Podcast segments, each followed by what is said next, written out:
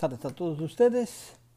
Ahora quisiera hablarles, Él ha delegado su autoridad sobre nosotros. Es un tema bíblico y espero que lo puedan escuchar y ponerlo algunos en práctica, ¿verdad? Ah, quisiera que comprendiéramos cuál es la autoridad delegada por Cristo y cómo usted y yo podemos andar en el poder del nombre de Jesucristo. Y oiga lo que digo, en el poder del nombre de Jesucristo. Si nos damos cuenta, en las escrituras leemos que Jesús mandó a los 70 a las ciudades circunvecinas para que ellos evangelizaran las buenas nuevas de Jesucristo. Ellos no fueron enviados sin preparación o sin ningún poder para hacer lo que se les había mandado hacer. A ellos se les dio el poder y la autoridad sobre todo poder de Satanás y sus demonios. Quiero que escribas la siguiente sentencia en tu corazón. Esta sentencia quiere darte y que la, ah, como dijera, más que nunca, nunca la olvides, que no se te olvide. Nuestro Dios es un Dios de integridad. En otras palabras, Dios no es como el hombre y que, y que Él diga una mentira a ti. No, no, no, eso no puede ser. Nuestra fundación como creyente en Cristo tiene que ser fundamentada en la integridad de la palabra de Dios indiscutiblemente.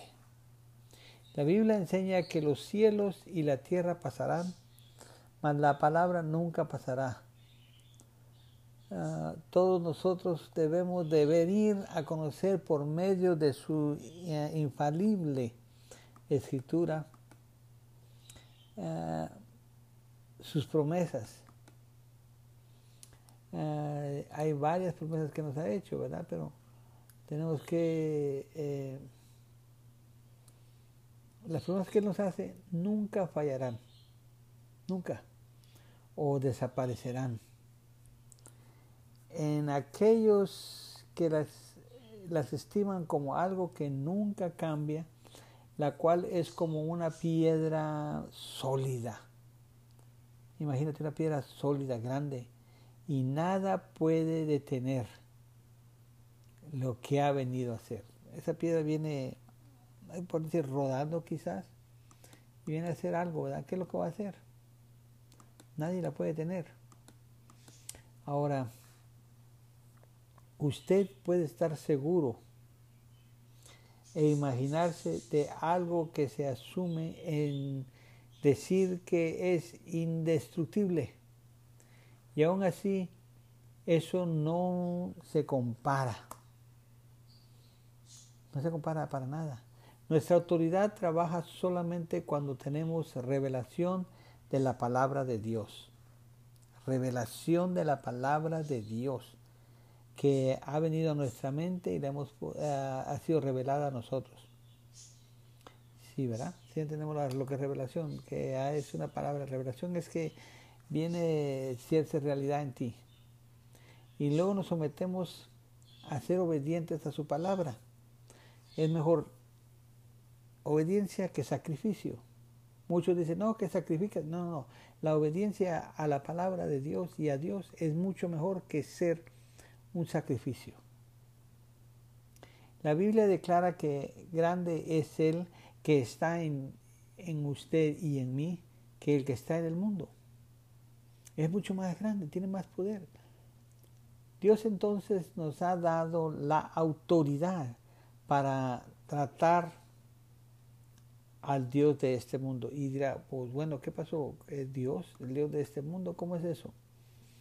El diablo no tiene ningún arsenal que pueda nulificar la autoridad que Dios nos ha delegado a nosotros por medio de nuestro Señor Jesucristo. Ahora Dios te, bueno, un momento, usted dijo el Dios de este mundo. ¿Cuál es el Dios de este mundo? Bueno, sabemos que a Satanás se le entregó todo este mundo, Adán se lo entregó cuando él vino y cometió pecado Él le dio toda la autoridad a este mundo, todo.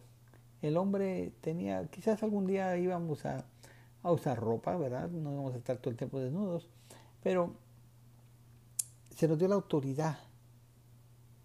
Eh, Adán tenía toda la autoridad. No teníamos que trabajar, no nomás cuidar la tierra. Dios nos dio todo lo que necesitábamos. Se lo dio todo a Adán. Pero Adán eh, se cegó por un momento, quizás descuidó a su mujer y la mujer cayó en la tentación de, de Satanás. Cuando ella cayó, hizo que su esposo cayera, no lo forzó, pero él voluntariamente lo hizo y se dieron cuenta de su desnudez y bueno, en fin, todos ya sabemos esa historia. Y entonces perdió toda la autoridad de, este, de esta tierra. Y por eso es como digo yo que eh, el Dios de este mundo es Satanás. Es Satanás, es el diablo. Y en realidad pues él no tiene nada de espiritual. Ahora, más ahora, antes que podamos hablar la palabra de Dios a cualquier circunstancia. O sea que pongamos en práctica la palabra en nuestros problemas.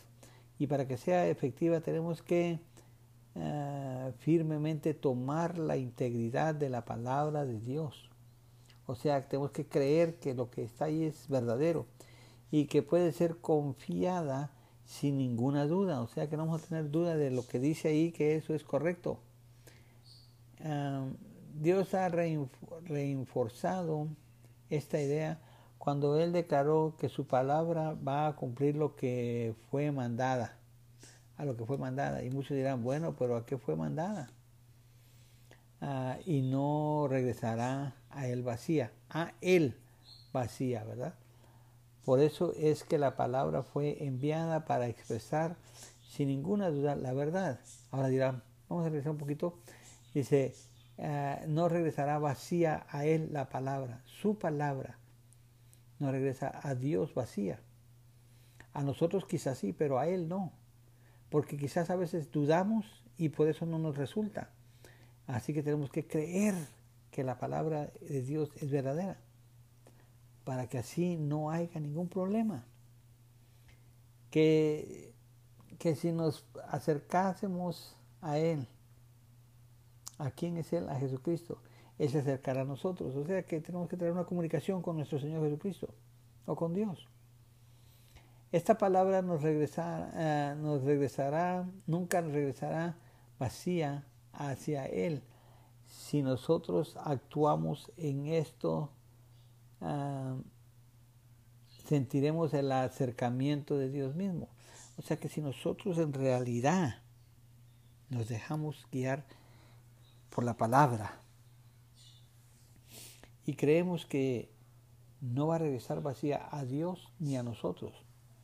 Entonces no habrá ningún problema ni ninguna situación. Así que tenemos que estar seguros. Vamos a sentir que Dios también está con nosotros. Dios expresa esta verdad. Por ejemplo, si nosotros resistimos al diablo, dice la palabra, ¿verdad? Resistir al diablo y él huirá de vosotros.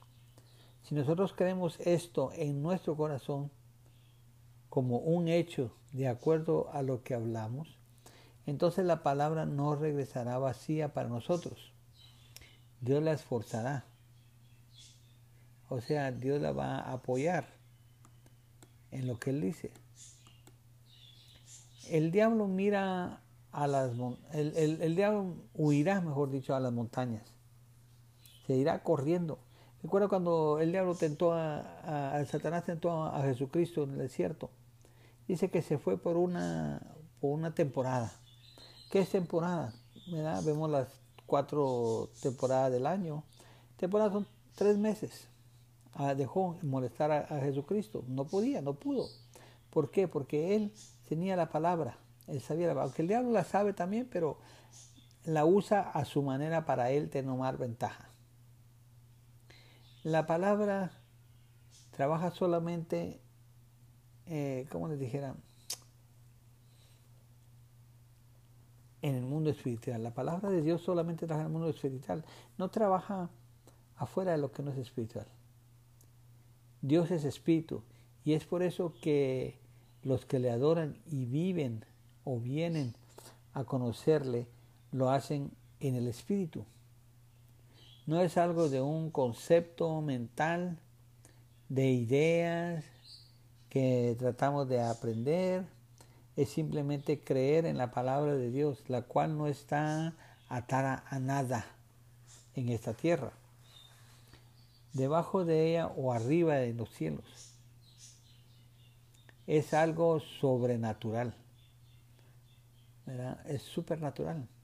Y es por eso que tenemos que actuar como que es real, como cualquier cosa en la vida. Eh, tenemos que creer que esto es cierto. La Biblia también nos ah, dice que tenemos que cuidar nuestro corazón con toda diligencia, porque los problemas de la vida fluyen del corazón, de nuestro propio corazón. Nuestras palabras tienen que ser alineadas con la palabra de Dios. Si esperamos ver el resultado y verlas trabajar en nuestras vidas, produciendo la manifestación que ha sido inscrita o inscrita en la Biblia. Este es el punto mejor en ejercitar su autoridad y es de hablar en línea con la palabra de Dios. Cuando digo en línea es que eh, estamos de acuerdo en lo que hablamos, en lo que predicamos, ¿verdad? Estamos, uh, ¿cómo le dijera? Bueno, la mejor manera para, usted y, yo eh, es que podemos resistir el diablo, es de que, de cómo resistir el diablo, es de que diariamente renovemos nuestras mentes. Y dirá, pues ¿cómo vamos a renovar la mente? Pues la renovamos en la palabra de Dios. Leámosla, escudriñemos las escrituras, busquemos, leámosla diariamente, aunque sea 10, 15 minutos por día o quizás 5 minutos por día. Proponernos en nuestra... Ah, voy a leer la Biblia, voy a leer la Biblia, voy a leer la Biblia y leerla.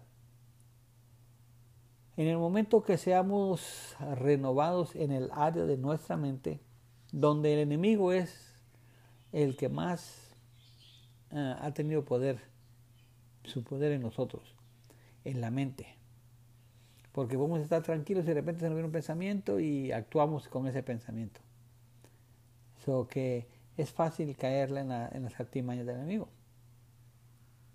Ahora, cuando la mente ha sido renovada y la palabra de Dios ha sido puesta en nosotros, entonces podemos hablar la palabra de Dios con autoridad y el Satanás huirá en esta área de nuestra vida. O sea que no tendrá ningún poder, no tendrá nada de nada, porque va a correr, va a huir. Ahora, ah, dirá, pues hermanos, está hable y hable y hable y no ha dicho ni una escritura ni nada. Bueno, claro, he mencionado ah, parcialmente algunas escrituras aquí, pero vamos a, una escritura clave que está en Marcos 11, 22, 26. Marcos del eh, eh, capítulo 11 del versículo 22 al 26, ¿verdad? Y dice así, respondiendo Jesús les dijo, tener fe en Dios, tener fe en Dios, no en, la, en, persona ni nada, sino en Dios. Porque de cierto os digo que cualquiera que dijera a este monte, quítate y échate en el mar, y no dudade en su corazón, sino creyere que será hecho lo que dice, lo que diga le será hecho. O sea, lo que la persona diga, eso va a ser hecho teniendo fe y no dudando. Por tanto os digo que todo lo que pedires, pidieres en oración, creer que lo recibiréis y os vendrá todo lo que pidamos en oración. Ahora, muchas veces dice la palabra, oramos pero no, sabemos pedir y por eso no se cumple.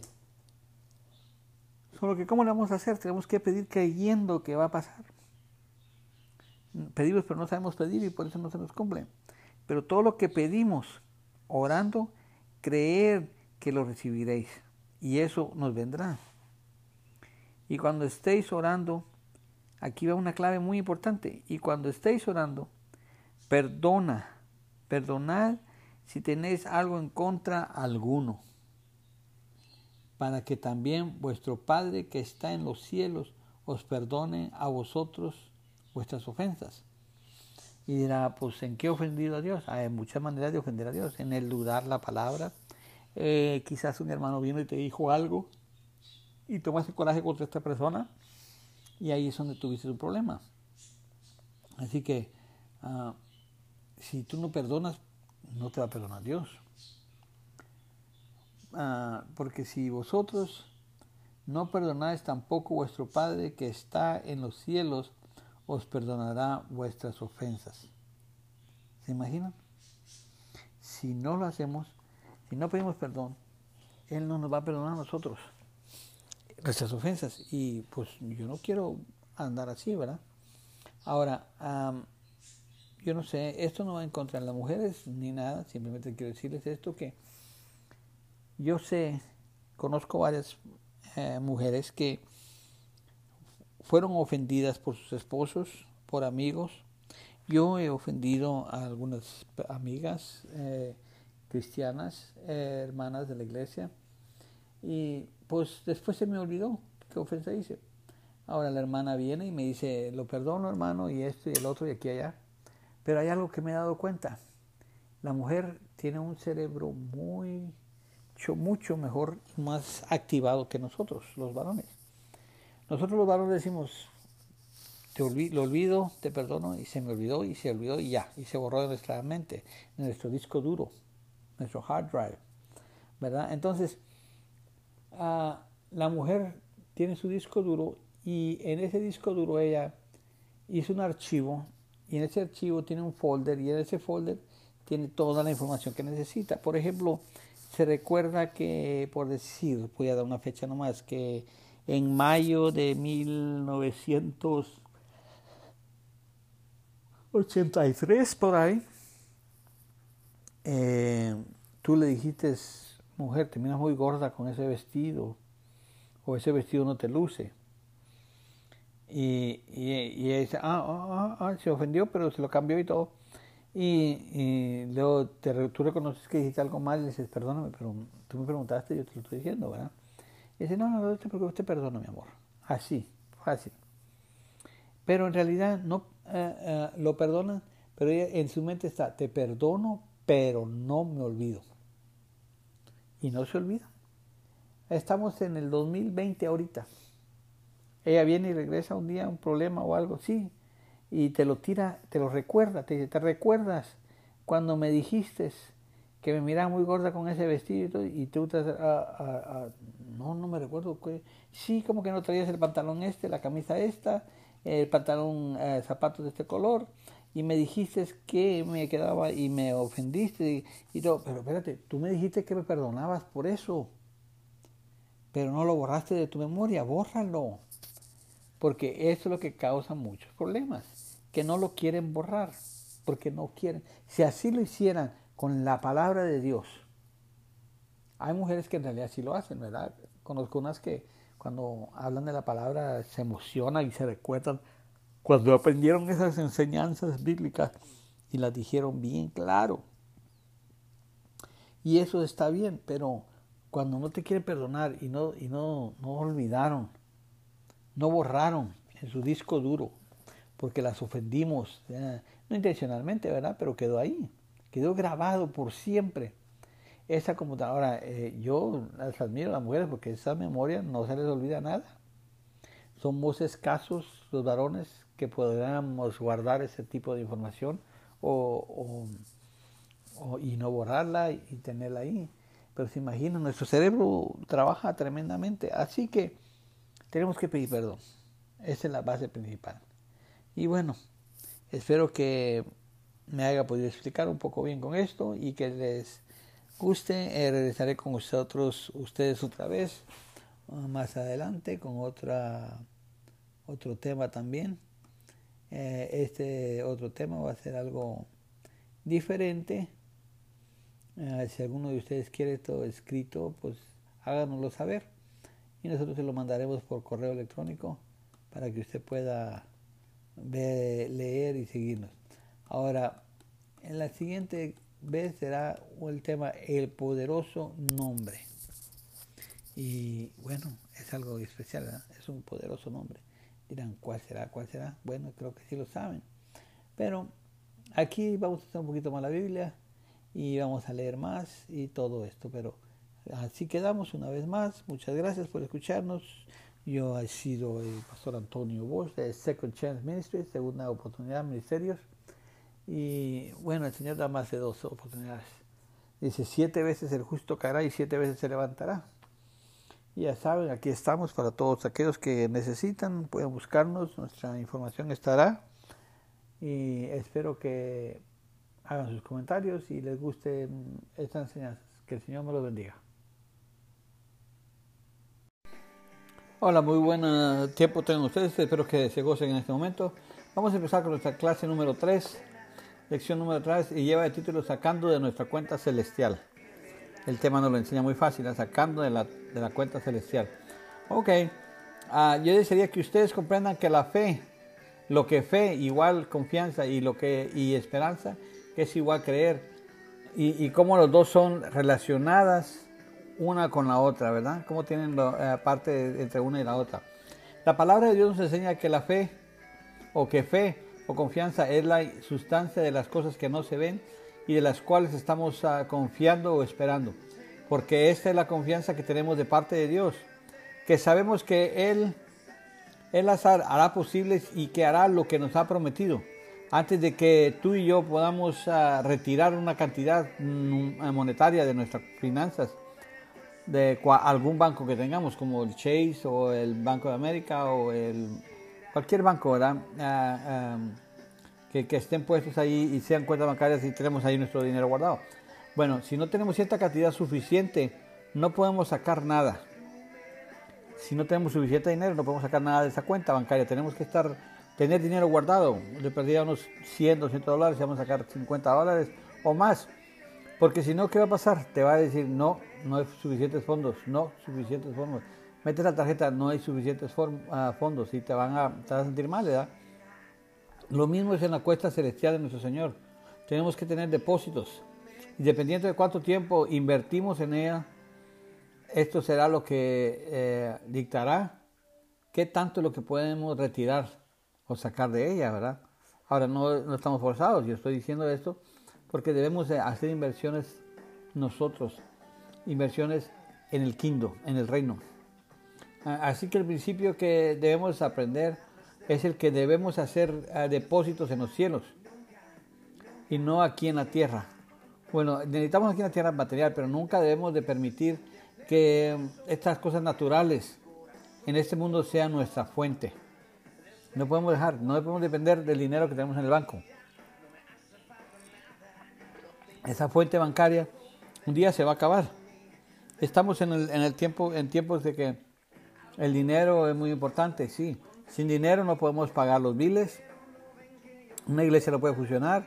Uh, eh, hablando de edificio.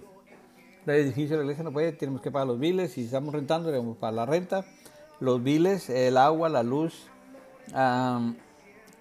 lo que es electricidad, luz, si tenemos estufa en la iglesia o no. Pero todo eso se tiene que pagar. ¿Y cómo se paga y cómo se mantiene? Pues con las ofrendas y diezmos que cada uno de nosotros damos. Y somos obedientes con esta manera. Ahora, eh, en las cosas naturales no tenemos que invertir tanto en el sentido de que ah, ah, muchos de nosotros somos bendecidos, ah, tenemos un buen carro, una buena casa, un buen trabajo, y hay otros que no. batallan un poco con esas cosas, por cosas de ellos mismos quizás, no sé, por las circunstancias que están pasando, pero no tenemos que dejar que las cosas naturales nos dominen a nosotros, ¿verdad? La palabra de Dios nos enseña que debemos de buscar el reino de Dios y su justicia y todo lo demás será añadido a nosotros. Todo lo demás será añadido a nosotros, imagínense. Ya dice, buscar el reino de Dios. ¿Cuál es el reino de Dios? Y dice, y su justicia y todo lo demás será añadido. En el reino de Dios, ¿qué es lo que hay? ¿Qué es lo que nos piden? El reino de Dios nos dice, hey, hablemos la palabra, prediquemos la palabra, eh, traigamos gente que conozca el reino. El reino no está perdido. Mucha gente cree que el reino ya está perdido, que no saben dónde está. Ah, espérate, eh, no andamos buscando un reino material, estamos buscando el reino de Dios y su justicia. ¿Cuál es su justicia? Dice, todo lo demás será añadido, lo que necesitamos será dado a nosotros. Ah, tenemos que comprender que nosotros no podemos tener fe o confianza en este preciso momento, en este precioso momento, si es que no podemos o no tenemos la esperanza en nuestro futuro. Tenemos que tener una esperanza en, nuestro futuro.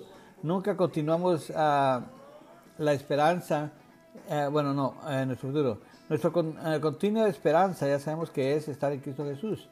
Es la creencia en Él, ¿verdad?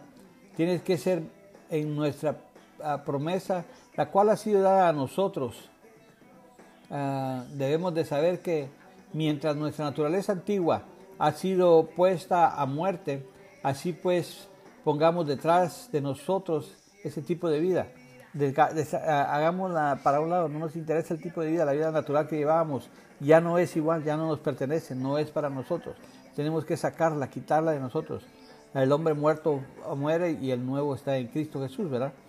Uh, olvidémonos de, esa vida que traíamos y pongamos nuestra esperanza, nuestra creencia y fe debe de ser en nuestro Señor. aleluya, debe ser en nuestra promesa eterna, la cual ha sido dada a nosotros. Debemos de saber que nuestra naturaleza ha sido ya muerta. Nuestra naturaleza nosotros ya es muerta, ya no existe más, no hay otra más. Ya nuestra naturaleza se acabó, ya no somos el mismo. En Cristo Jesús hemos recibido bendiciones y nos ha dado una nueva vida. Hemos cambiado, así que tenemos que poner esa vida antigua fuera de nosotros, olvidándola, y poner esperanza, o sea, creencia en gloria, en la gloria de Dios. Constantemente debe ser la manera más grande la cual estamos buscando para seguir adelante, ¿verdad? Ah, la esperanza viene siendo un ancla este es un ejemplo. La esperanza es el ángel que nos mantiene atados para no desviarnos o que seamos llevados a la derriba, sacándonos de nuestro destino hacia Dios. Porque todos queremos ir a, hacer la, obra y el camino a Dios. Pero si, si no nos anclamos y no nos sembramos en Dios, no va a servir. No vamos a poder hacer nada. Tenemos que estar anclados. Esto es lo que nos mantiene a usted y a mí.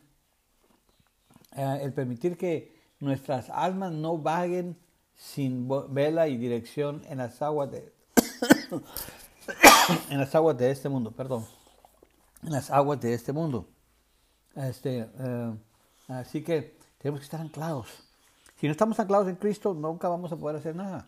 Tenemos que nuestras almas tienen que estar. Si no, vamos a andar vagando de un lugar a otro. Mucha gente hoy en día, y bueno, no, no es solo hoy en día, en muchos tiempos, ellos ya no, uh, solo andan de iglesia en iglesia como una nube sin agua, por, buscando por todos lados y no logran llegar a donde van. Nunca llegan a su destino.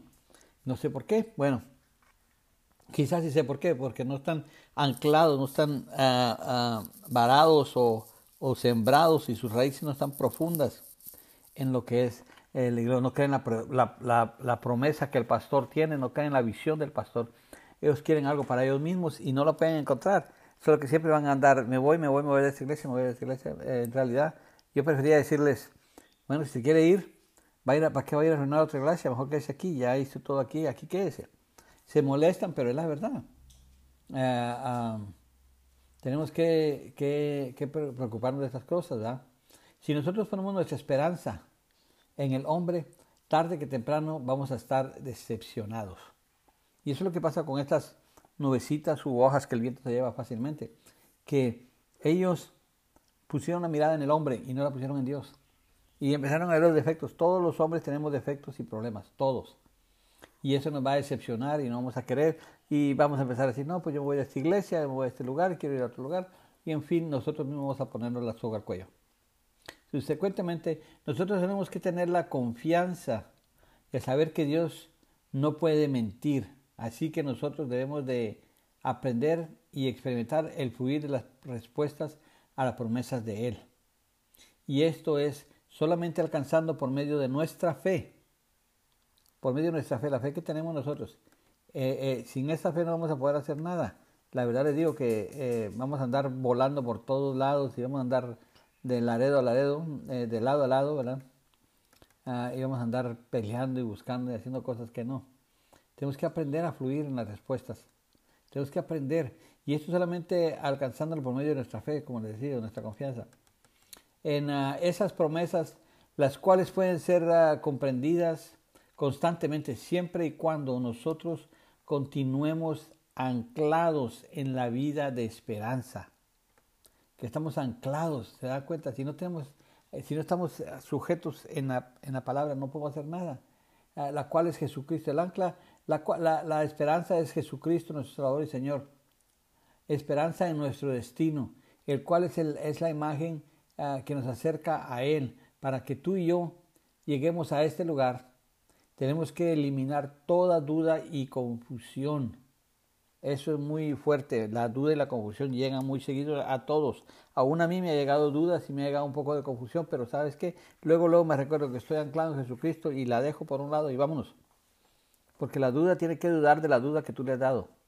No creas en la duda que te ha puesto, porque la duda es parte del enemigo y, el, y, si llega el enemigo y te dice, te pongo duda, no, dudo lo que me has dicho. ¿Qué? Sí, dudo lo que tú me dices y ese demonio se va a ir y va a llegar a los infiernos allá en su reino y va a decir, ¿sabes qué? A ese hombre le puse duda. ¿Y qué pasó? Pues no, no, no pasó nada. Él no duda. ¿Cómo que no duda? Él no duda nada de lo que le dije. ¿Cómo es eso que no tiene duda? No tiene duda. Él se ha quedado, él, él, eh, ¿cómo? Y ya ves que el diablo es el, diablo de, el de confusión. Es todo lo que es confusión.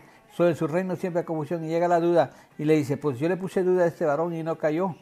Y me dijo que yo tenía duda, que me dudaba lo que yo le dudé y ahora ya estoy dudando yo. Y luego el otro dice, pues ¿cómo está eso? ¿Le pusiste duda y no cree la duda? No, no la cree. Entonces, ¿qué pasó?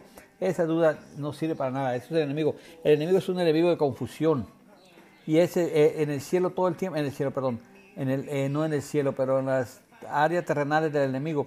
Él siempre anda confundido, él siempre anda peleándose contra todos y siempre anda tratando de apagar poquitos fuegos que se le hacen por todos lados, porque él es el, padre de la confusión y ya todos los demás los confunde. Es, difícil, es raro, es una confusión muy tremenda. Uh, nuestros ojos no deben de permanecer en nuestras circunstancias, más en lo contrario, tienen que estar vi, eh, viendo así lo que no se puede y lo que no se ve y observando las promesas por medio de la, de la mirada, en la fe. Tenemos que mirar la fe. Es importantivo, imperativo que usted y yo lleguemos a una posición en Dios en el cual la palabra nos establece y continúa motivándonos. La palabra nos motiva. Leamos la escritura. Si no leemos la escritura nunca vamos a tener nada. Si nomás escuchamos predicaciones y, cosas así, pero no leemos la palabra de Dios, ¿de qué nos sirve?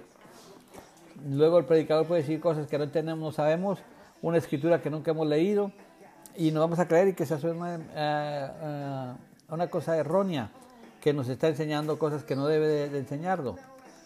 Uh, Dios no pondrá, no podrá y no nos dará a nosotros lo que Él nos ha prometido hasta que nosotros no dejemos ir el pasado. El pasado ya no nos, nos, sirve.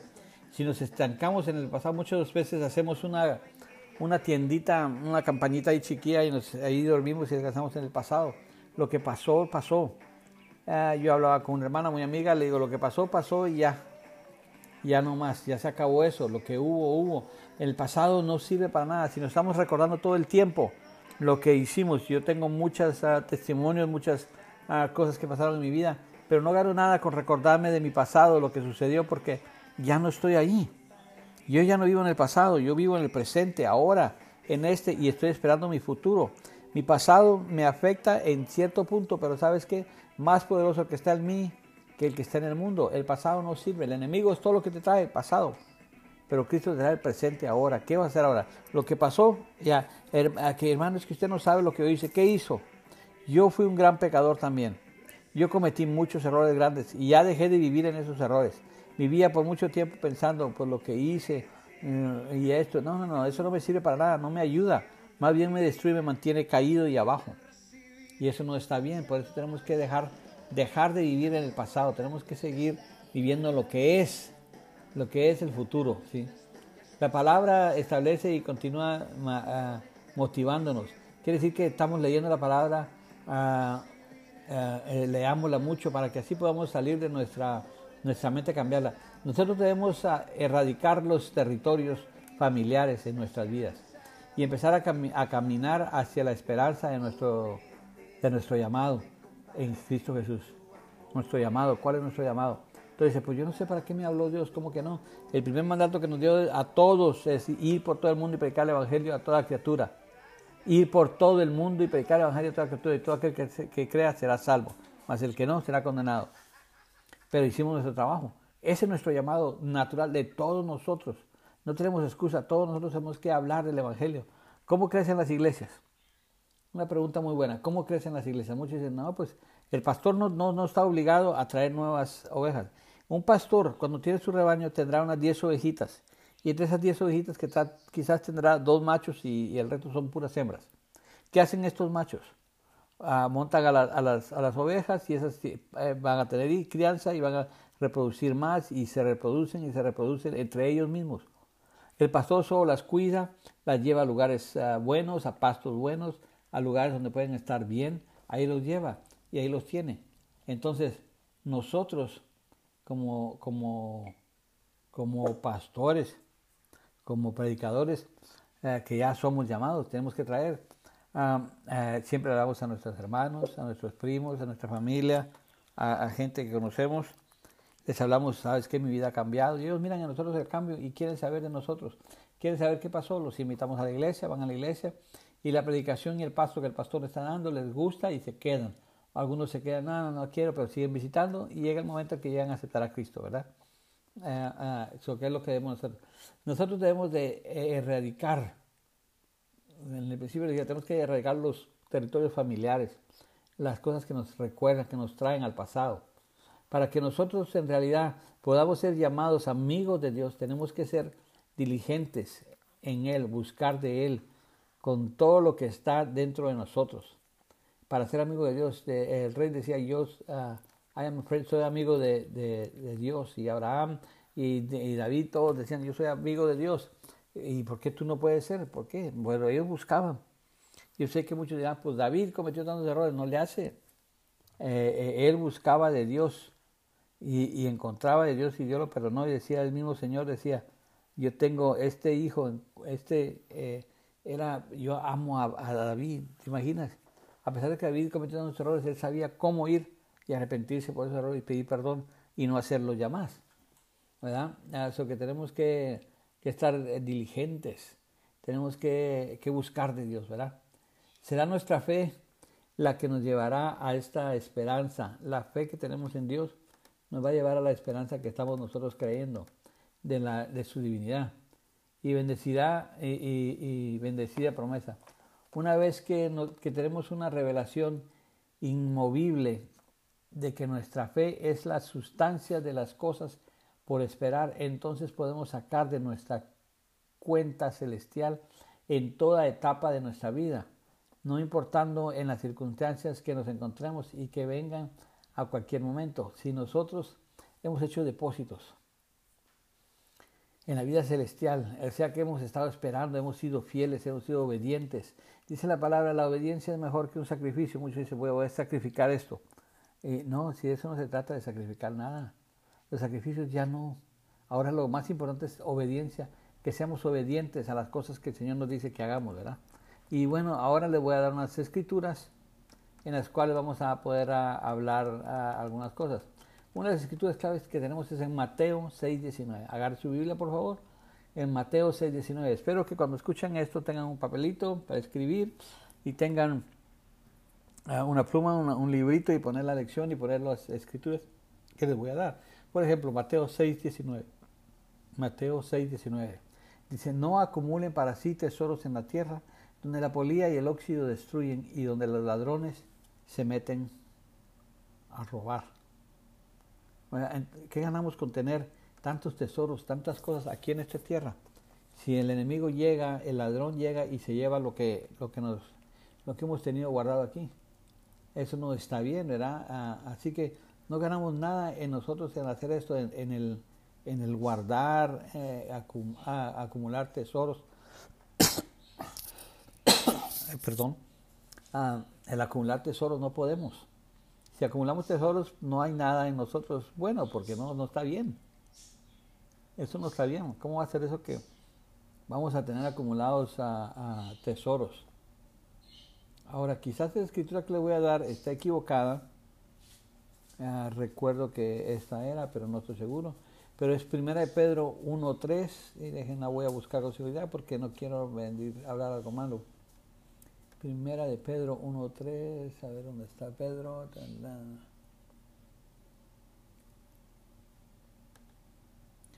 Ah, sí, sí, sí, les puse mal. Ok, primera de Pedro 1.3. Aquí está y dice así, a ver, a ver.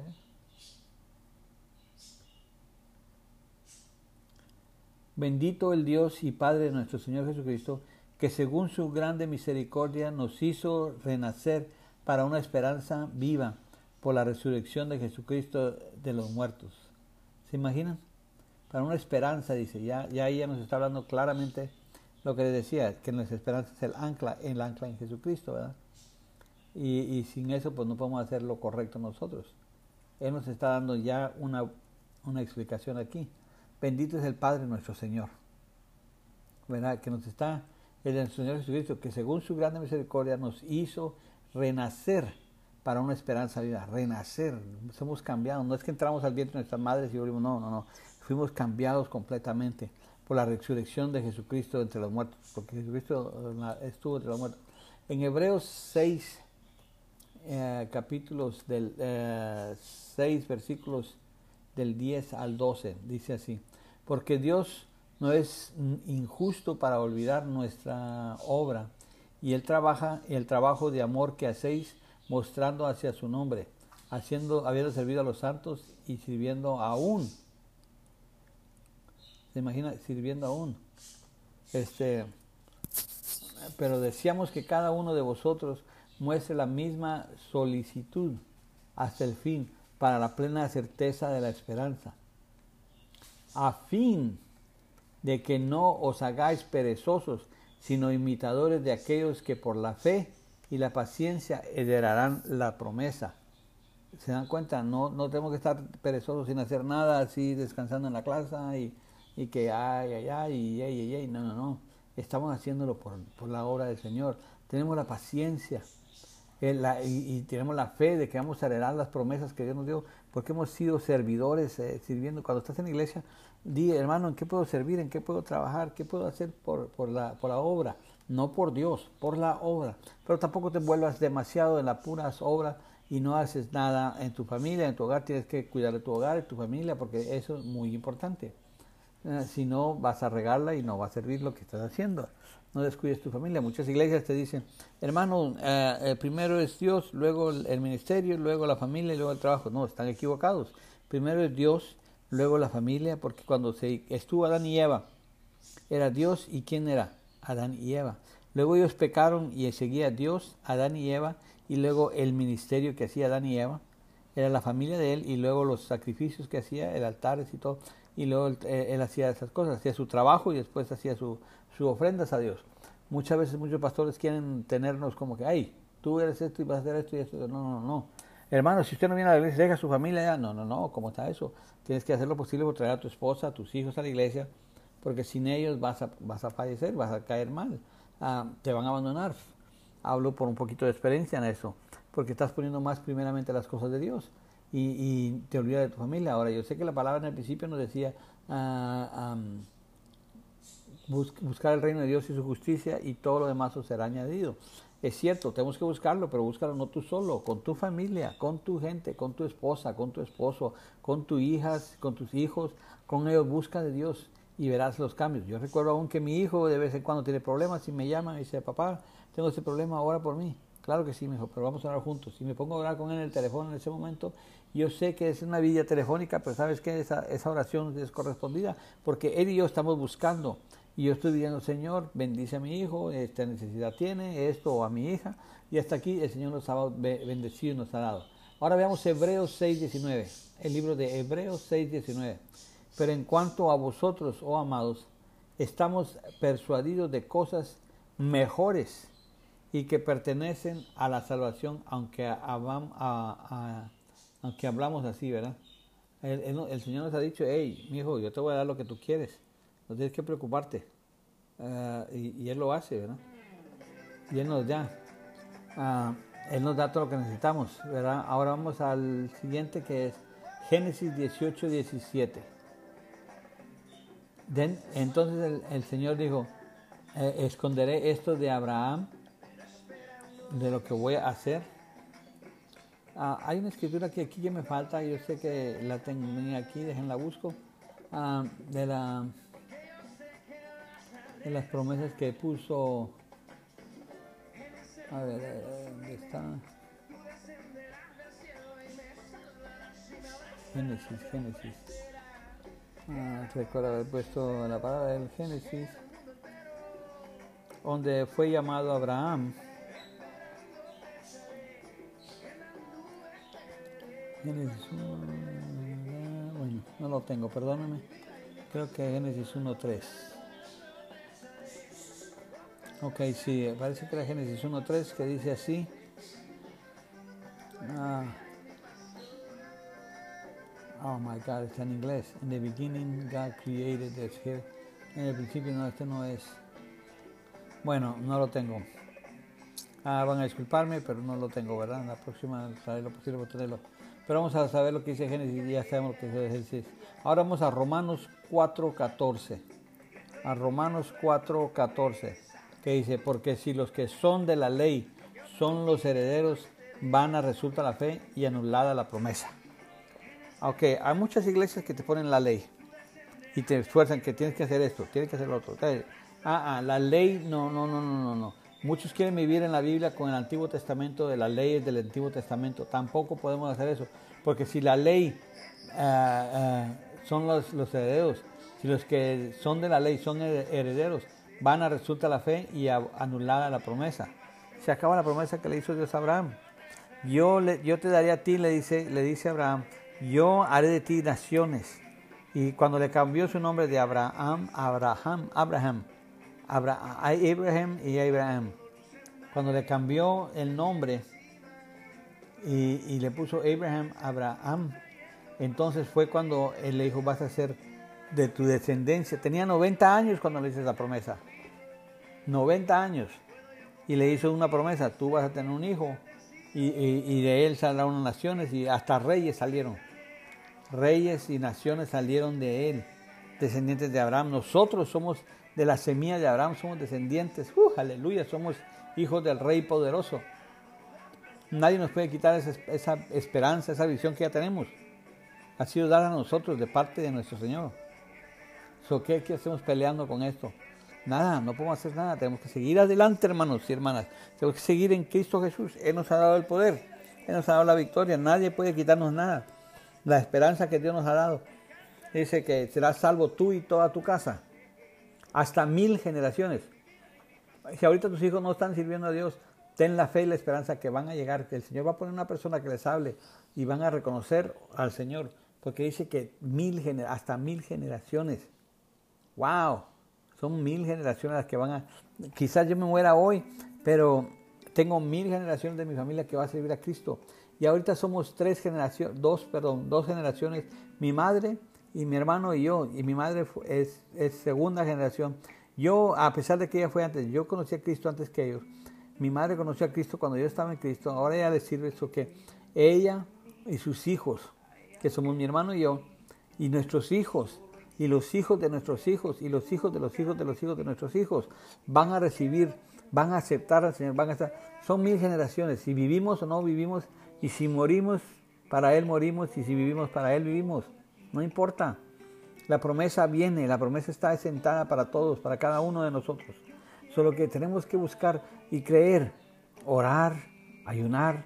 Es difícil para varias personas ayunar porque son enfermos de la diabetes, o por enfermos de esa cosa o del otro y no pueden estar sin comida. Bueno, pero hay otras maneras suficientes de ayunar, ¿verdad? Ah, habemos adictos a la televisión quizás, adictos a escuchar música, músicos y todo eso. Y en realidad eh, no nos dejamos guiar por esas cosas. Entonces vamos a hacer, a dejar por un tiempo. Muchos dicen, pues sabe qué hermano, yo, yo no puedo estar sin tomarme una taza de café o dos o tres por día o, o más. Entonces, bueno, entonces, ¿sabes qué? Sacrifica eso Deja de tomar café por todo un día y ponte a orar. Y no estoy diciendo que pares sin que, bueno, el, el musulmán se arrodilla para listo el tiempo y empieza a postrarse y a darle gloria. Nosotros los cristianos no hacemos, nos da vergüenza orar. Nos da vergüenza sentarnos en el restaurante y decir, en el nombre de Jesús bendigo estos alimentos. Y voy a, No, no podemos hacer nada. Si lo hacemos así, la gente dice que este loco. Y nos da vergüenza. Quizás ha habido veces que estamos en un lugar y nos dice, Señor, ora por esta persona. No, Señor, ora por eso. No, Señor, ¿cómo crees que voy a orar por esta persona? Este, van a decir que estoy loco, que si no haces nada y no sucede nada. No, hombre, tú nomás ora. El Señor te lo está poniendo, acércate a la persona y dile, me gustaría orar por usted, el Señor me dice. A mí me ha tocado unas dos, tres veces así y me peleé mucho con el Señor, pero lo hice. Y ah, después reconocí y vi el milagro que el Señor hizo y me quedé sorprendido y dije, wow, eh, la palabra del Señor es buena. La palabra del Señor nunca falla, nunca llega tarde, no es tardía. Así, así que hermanos, yo les pido, les, les animo a que sigan adelante con estas enseñanzas. Aquí se termina esta les animo a que continúen eh, eh, escuchando estas enseñanzas y si les pueden servir de algo, pues aquí están, escúchelas, compártelas con alguien. Y ahora les, me despido de ustedes. Soy el pastor Antonio Bosch de El Torno al Alfadero, Second Chance Ministry. Si quieren mandarnos un correo electrónico, mándalo a el torno al alfarero arroba, yahoo, arroba gmail.com torno del alfarero at gmail.com torno del alfarero at gmail.com disculpen que se me traba la lengua la lengua se me traba eh, un poco pero bueno tratamos lo mejor que podemos. Um, mándenos a pedir las enseñanzas nosotros se las mandamos y esperamos que puedan usarlas y servirles en algo. Y que el Señor me los bendiga y los tenga en paz. Y por medio de estas enseñanzas puedan aprender algo especial para nuestro Señor. Bendiciones